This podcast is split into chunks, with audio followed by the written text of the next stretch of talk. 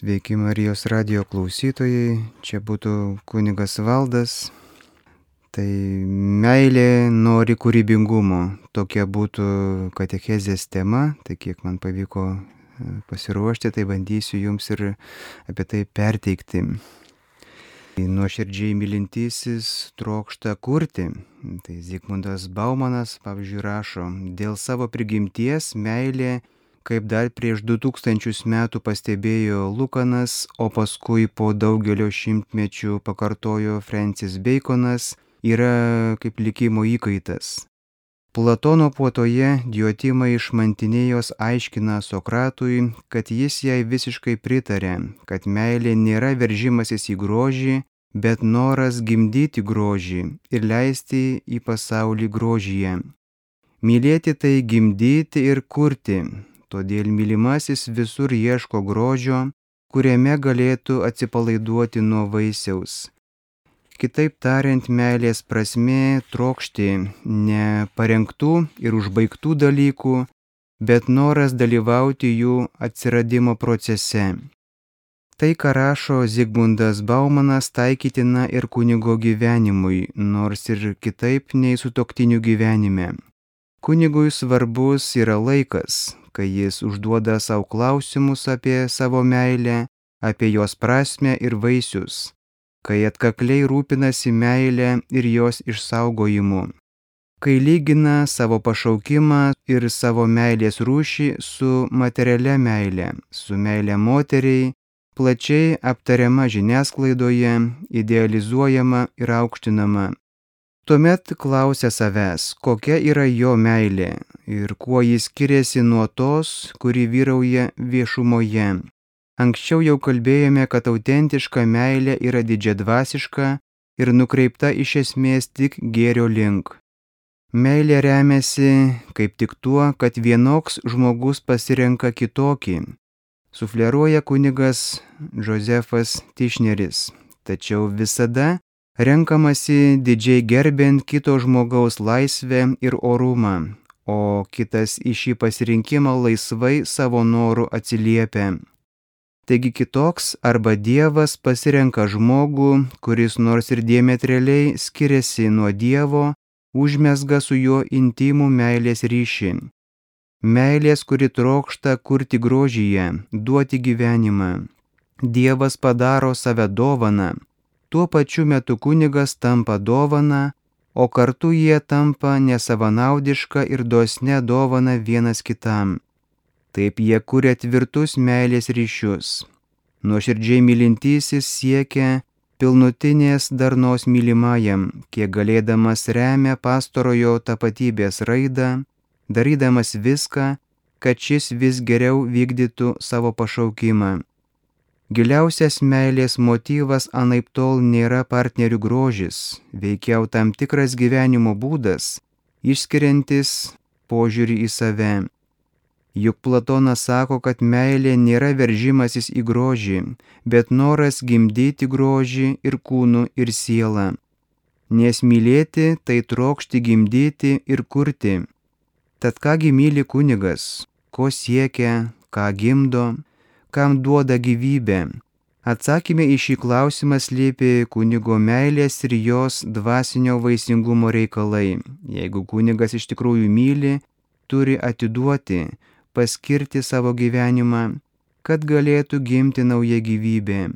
Tačiau nuolat lieka aktualus ir neatsakytas klausimas, kam jis pasiskiria, kam pasiaukoja, ką nori sukurti Atsakymas atrodo paprastas, bet ar visada ir kiekvienu atveju, kiekvienam kunigui ir visomis aplinkybėmis?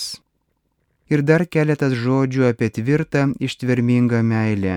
Erikas Fromas, kalbėdamas šią temą, pabrėžia, kad sėkmės mylint kitą asmenį negalima tikėtis be tikro nuolankumo, drąsos, tikėjimo ir drausmės. Taigi be nuolankumo ir narsumo negalima ištverti meilėje, nes meilė kol gyva, priduria Zigmundas Baumanas, nuolat laviruoja tarp nesėkmės ir ribos. Atkakliai laikydamasi naikina praeitį, nepalikdama po save sutvirtinimų ir apkasų, kuriuose galėtų pasislėpti nuo užklupusių sunkumų. Ji nežino, kas jos laukia, kokia bus ateitis, niekada nepasieks vidinio tikrumo, kuris galėtų išsklaidyti baimės ir nuslopinti nerimą. Ji tarsi paskola paimta už netikrą, neįspėjamą ateitį.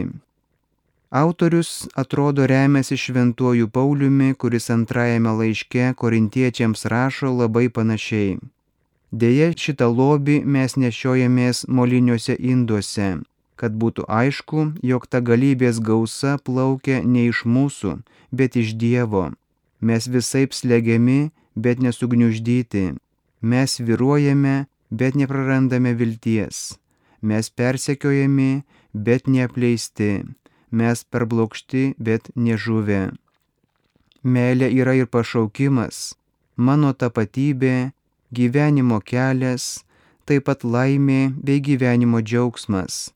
Apskritai ji yra viskas, kas mane džiugina, kas suteikia prasme ir motivuoja mano veiklą, kas leidžia man drąsiai mąstyti apie ateitį, atsiverti žmonėms ir matyti juose didelį gėrio pasirengimo mylėti potencialą. Tačiau visa tai, kas yra nepaprastai vertinga ir būtina gyvenimui, yra didelis lobis, kurį mes laikome moliniuose induose. Juos lengva sudaužyti, sunaikinti, numesti, kad nuo viso to apsisaugočiau, kad išlaikyčiau asoti sveiką, turiu būti nuolankus, narsus ir tvirtas. Ir viena ir kita labai svarbu. Nuolankumas gimdo narsę laikyseną, tvirtybę. Šioji saugo nuo per didelio pasitikėjimo savimi, tarsi viskas būtų mano ir visiems laikams. Tarsi vieną kartą duota meilė būtų amžina, o ji yra tik dovana, dėl kurios reikia vis iš naujo stengtis, su naujomis jėgomis ir nauja tvirtybė. Meilė taip pat tikrai ir kūryba būtų galbūt apie tai, tai Regimantas Tamošaitis turbūt apie tai yra atminčių, turi tai žmonės, sako, kuria todėl, kad patys yra sukurti. Žmonės kažką sukūrė, kaip pasaulį, kaip visas gyvybės formas. Ir tai yra didelė jėga kurios negalime net įsivaizduoti. Todėl nereikia galvoti, kad šis galingas kūrybinis veiksmas pasibaigia su žmogaus atsiradimu. Per žmogų jis tęsiasi toliau, negali sustoti. Kūrybinė veikla žmogus artėja prie kurėjo, teigia gyvenimą, išreiškia save.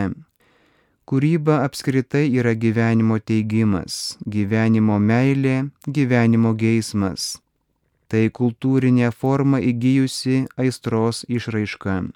Juk be aistros apskritai niekas neatsiranda. Taigi kūryba yra tiesiogiai susijusi su gyvybe, su jos dėsniais ir vertybėmis. Jeigu žmoguje mažai gyvybės, jeigu jis šaltas ir piktas, kažin ar jis sukurtų ką nors gražaus. Pirma, jis neturėtų ką parodyti, nes būtų be ugnies. Antra, jis nemokėtų nieko parodyti, nes neturėtų jėgos. O numirėlis apskritai jau nebegalvoja apie jokią kūrybą. Bet yra du nekūrybingumo variantai. Pirmas - silpni žmonės bando atsigaivinti per kitų kūrybą. Nori joje sušilti, pasiguosti ir pasijusti geriau. Nes kūryba padeda žmogui gyventi, ji leidžia suprasti, kad visi esame žmonės, o žmogus šiame gyvenime yra išskirtinis, labai brangus dalykas. Dėl jo išganimo net Dievo sūnus gyvybę paukojo. Ar įmanoma įsivaizduoti, ką nors didingesnio, ką nors labiau išaukštinančio žmogaus vertę? Taigi žmogus ypatinga, nelikstama vertybė. Žmogaus su niekuo negalima palyginti, nes visi pasaulio daiktai yra kam nors, o žmogus yra pats savo. O kas toks ir koks jis yra pats savo, nušviečia per kūrybinę saviraišką. Kūryba yra žmogaus veidrodis. Kai kas žinoma gali išsiversti ir be tokio veidrodžio, be jokios refleksijos. Juk daugelis gyvūnų veidrodyje savęs net pažįsta. Daugelis ir žmonių kūryboje net pažįsta savęs. Bet tai jau gali būti ne kūrybos, o jos suvokėjo problema.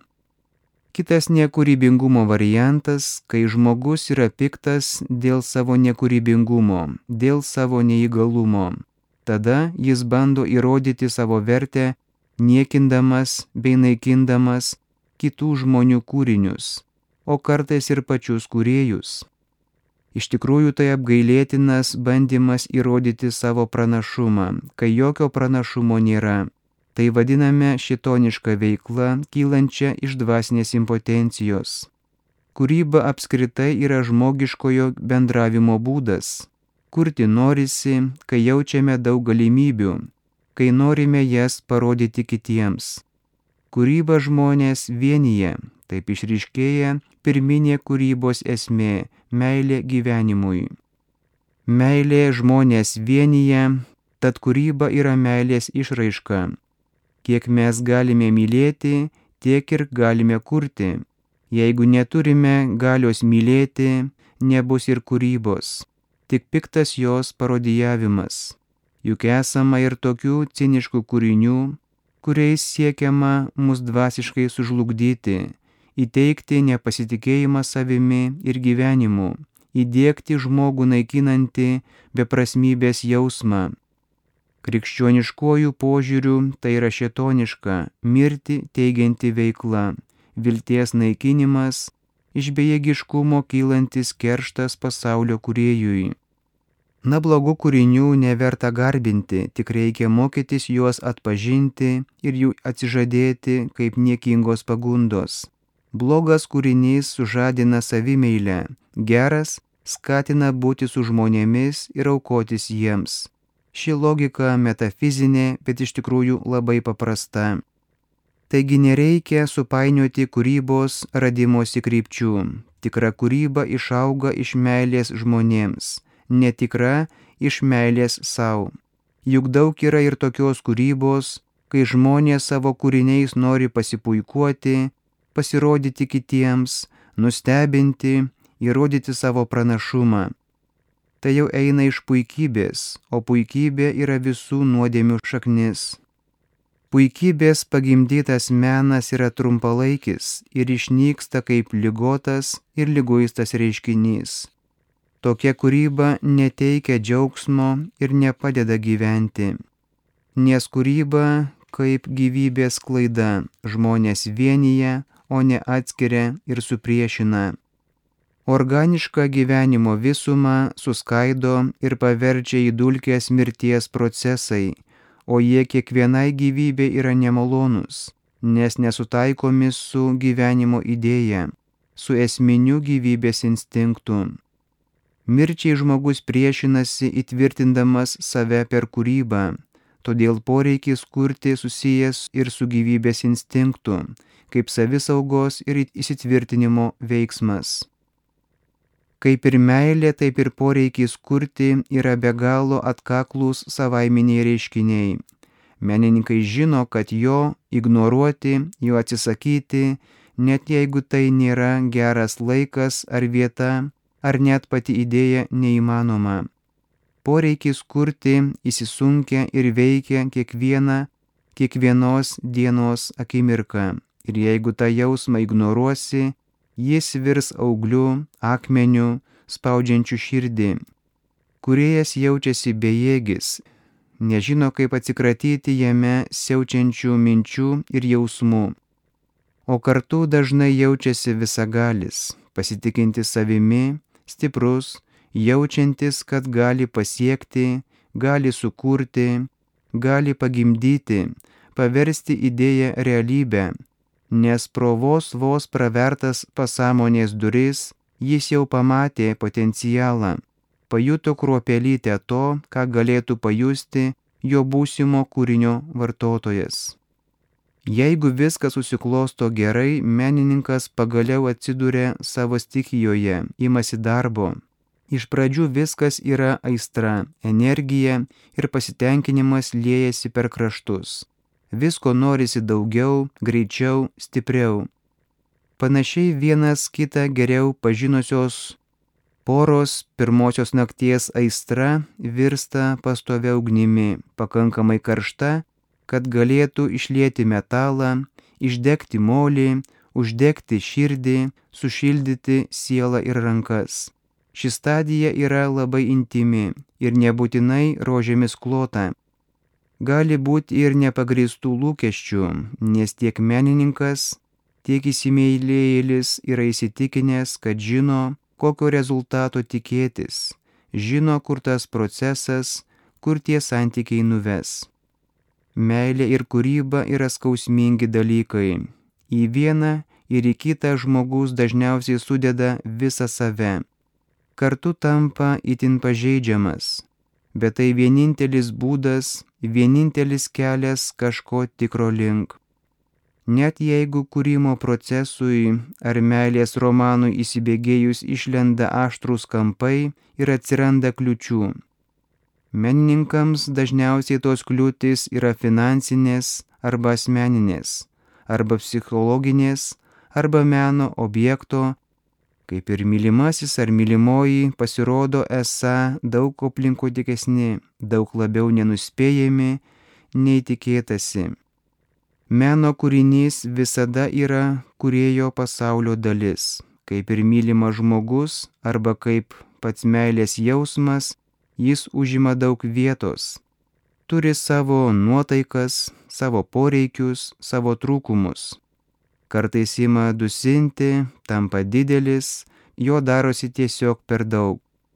Todėl neretai kyla noras viską mesti, iškyla daug abejonių, atsiranda kritikos.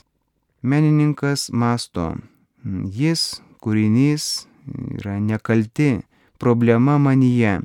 Aš nesu labai geras, nesu talentingas, pakankamai atsidavęs nesu vertas, aš viską įsivaizduoju visai ne taip. Meno kūriniai ir meilės istorijos įgyja savo spalvų, niuansų, nuotaikų krypčių, ima keistis ir transformuotis. Kartais tiesa, labai retai nutinka taip, kad nuo tos akimirkos, kai mintis ar vaizdinys it koks grūdas apsigyvena menininko galvoje, gali pasirodyti jog tarsi kažkas kitas vedžioja jo kaip dailininko teptuką, rašytojo ar muzikanto plunksną.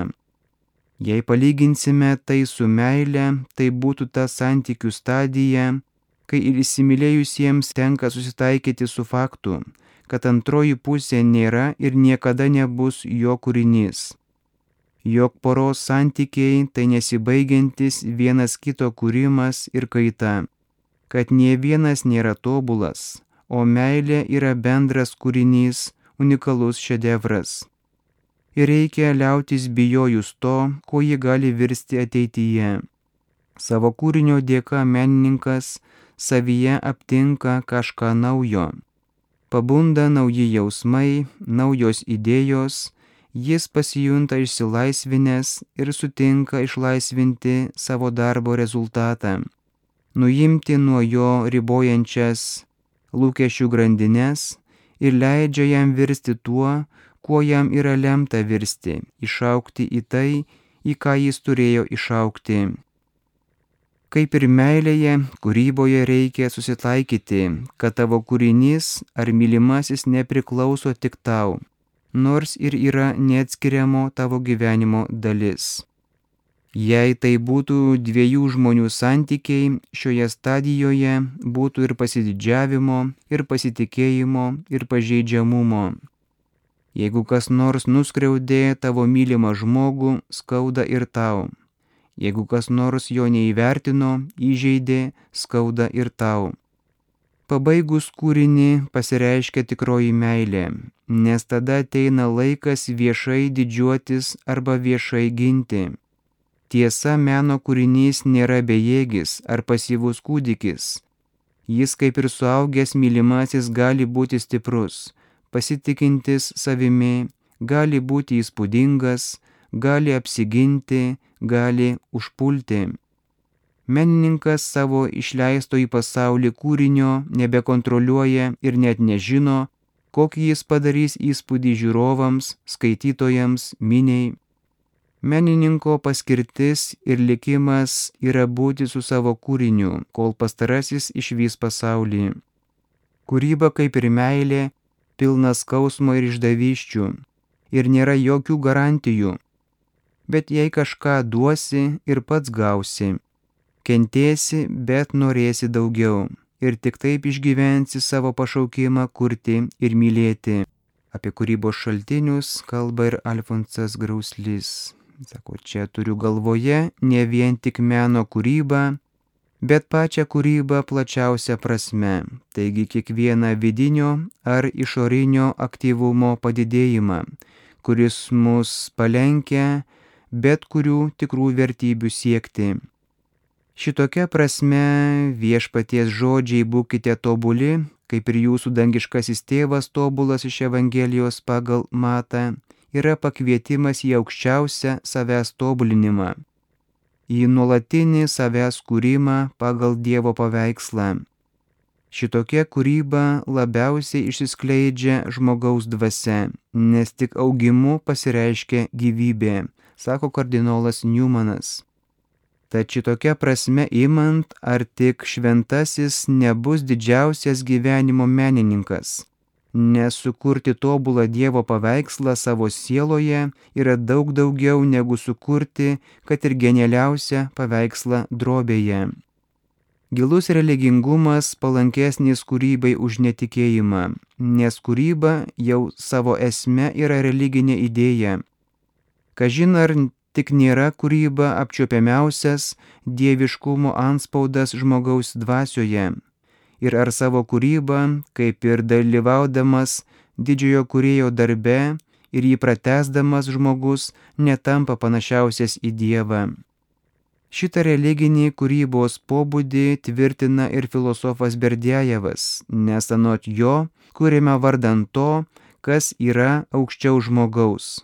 Kūriama Dievo vardu, nors tasai vardas būtų ir pridengtas žmogaus sąmoniai tiesos, grožio ar teisingumo vardais. Ir Klaudel sako, kad religija skatina kūrybą ir ją įkvepia nes tikėjimas Dievu padaro garbinimą galimu, o garbinimas tai didžiausias paskatinimas kurti, kad ir poeziją. Be to religija, suteikdama visą kam prasme ir tuo būdu atneždama džiaugsmą, ugdo aktyvumą, kai tuo tarpu beprasmiškumas paralyžiuoja veikimą. O kiekvienas abejojimas, skepticizmas ir iš to kylas beviltiškumas tai kiekvienos kūrybos mirtinas vėžys. Pagaliau religija gyvenimą sudramatino, nes paskelbė tokias amžinas vertybės, dėl kurių verta kovoti ir viskuo rizikuoti. Tokiu būdu jie atvėrė naujus horizontus kūrybai. Kad religingumas yra kūrybingas, tai įrodo ir tas faktas, kad beveik nėra menininkų, kurie religijos įkvėpti nebūtų ko nors kūrę religinėmis temomis. Reikia pripažinti ir kitą faktą, kad dauguma didžiausių menininkų buvo religingi. Jeigu ir į šiandienę literatų vardų galeriją pažvelgsime, tai pamatysime, kiek daug jų yra tikinčiųjų. O įsigilinius į netikinčiųjų kūrybą, geri psichologai negali nepastebėti, kad bent dalis jų yra įkvėpti tikėjimo likučių ir tradicijų arba jie yra pseudo tikėjimo dėka, kurį patys susikūrė. Čia pseudo tikėjimu vadiname tas natūrales vertybės, kurias tokių menininkų dalis apsupo aureolę ir jas savo sąmonėje sutapatino su religinėmis vertybėmis. O jeigu ir tokie tikėjimo likučiai išnyksta kurėjo sieloje, tada tikrai prasideda kūrybinis nuosmukis. Kažintat, ar vadinamas abstraktus menas nėra tik išraiška tos pasaulyje žiūrinės tuštumos, kuri nustojus tikėti Dievą įsiviešpatavo modernaus žmogaus sieloje. Žinoma, čia nenorima tvirtinti, kad atskiri tos krypties menininkai būtų netikintis.